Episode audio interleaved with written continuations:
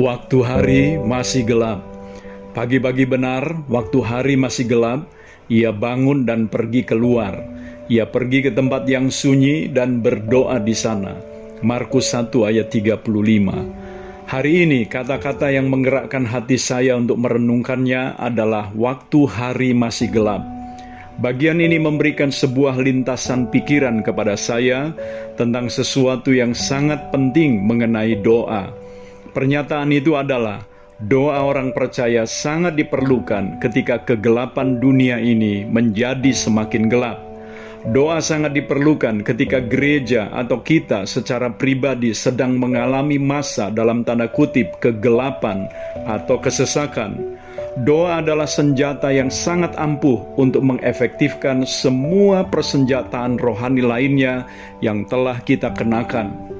Doa yang sungguh-sungguh membuat kita terhubung dengan Kristus yang adalah terang dunia. Ini berarti melalui doa terang Kristus yang ada di dalam kita difungsikan untuk menjadi terang bagi dunia ini. Kitab Yesaya 60 ayat 1 dan 2 mengatakan, Bangkitlah, menjadi teranglah, sebab terangmu datang dan kemuliaan Tuhan terbit atasmu Sebab sesungguhnya kegelapan menutupi bumi dan kekelaman menutupi bangsa-bangsa, tetapi terang Tuhan terbit atasmu dan kemuliaannya menjadi nyata atasmu. Kebangkitan kita di masa kegelapan dunia yang semakin gelap ini harus dimulai dari doa. Ya, dimulai dari kebangkitan doa kita sebagai orang percaya.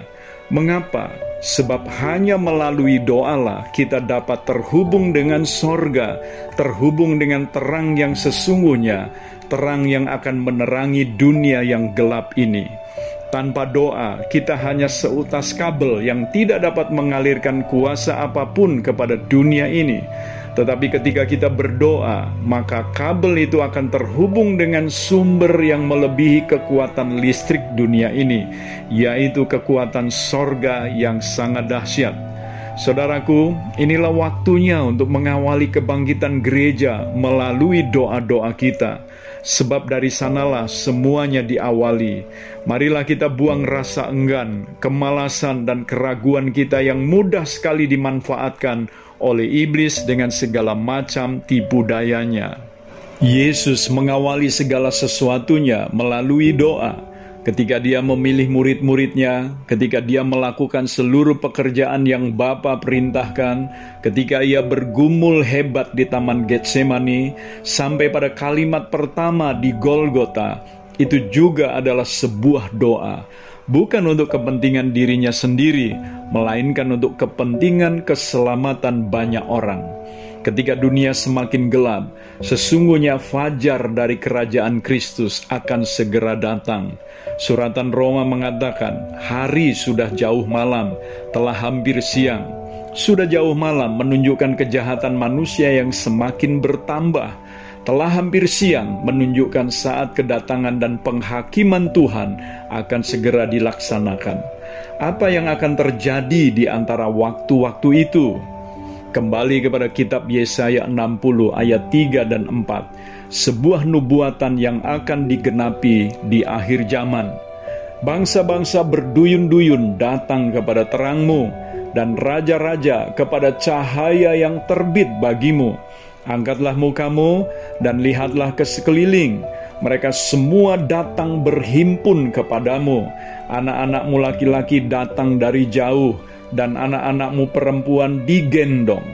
Mengenai bangsa-bangsa yang berduyun-duyun datang kepada terangmu, Matthew Henry menulis, Janji ini adalah mengenai berduyun-duyunnya orang-orang itu kepada Kristus dan datangnya mereka dengan iman dan pengharapan serta kasih yang kudus ke dalam kumpulan orang-orang percaya yaitu gereja. Ini menunjukkan akan ada tuayan besar menjelang kedatangannya yang kedua kali dan saya percaya itu juga sangat bergantung kepada doa-doa kita. Mengapa? Sebab ia akan memakai doa-doa kita untuk menggenapkan kehendaknya. Ketika dunia sedang dalam kegelapan, umat Tuhan perlu bangkit dalam doa untuk menyatakan terangnya. Itu adalah sebuah kehormatan dan bukan beban. Saya Theo Barahama, Bring Heaven Home. Tuhan Yesus memberkati saudara.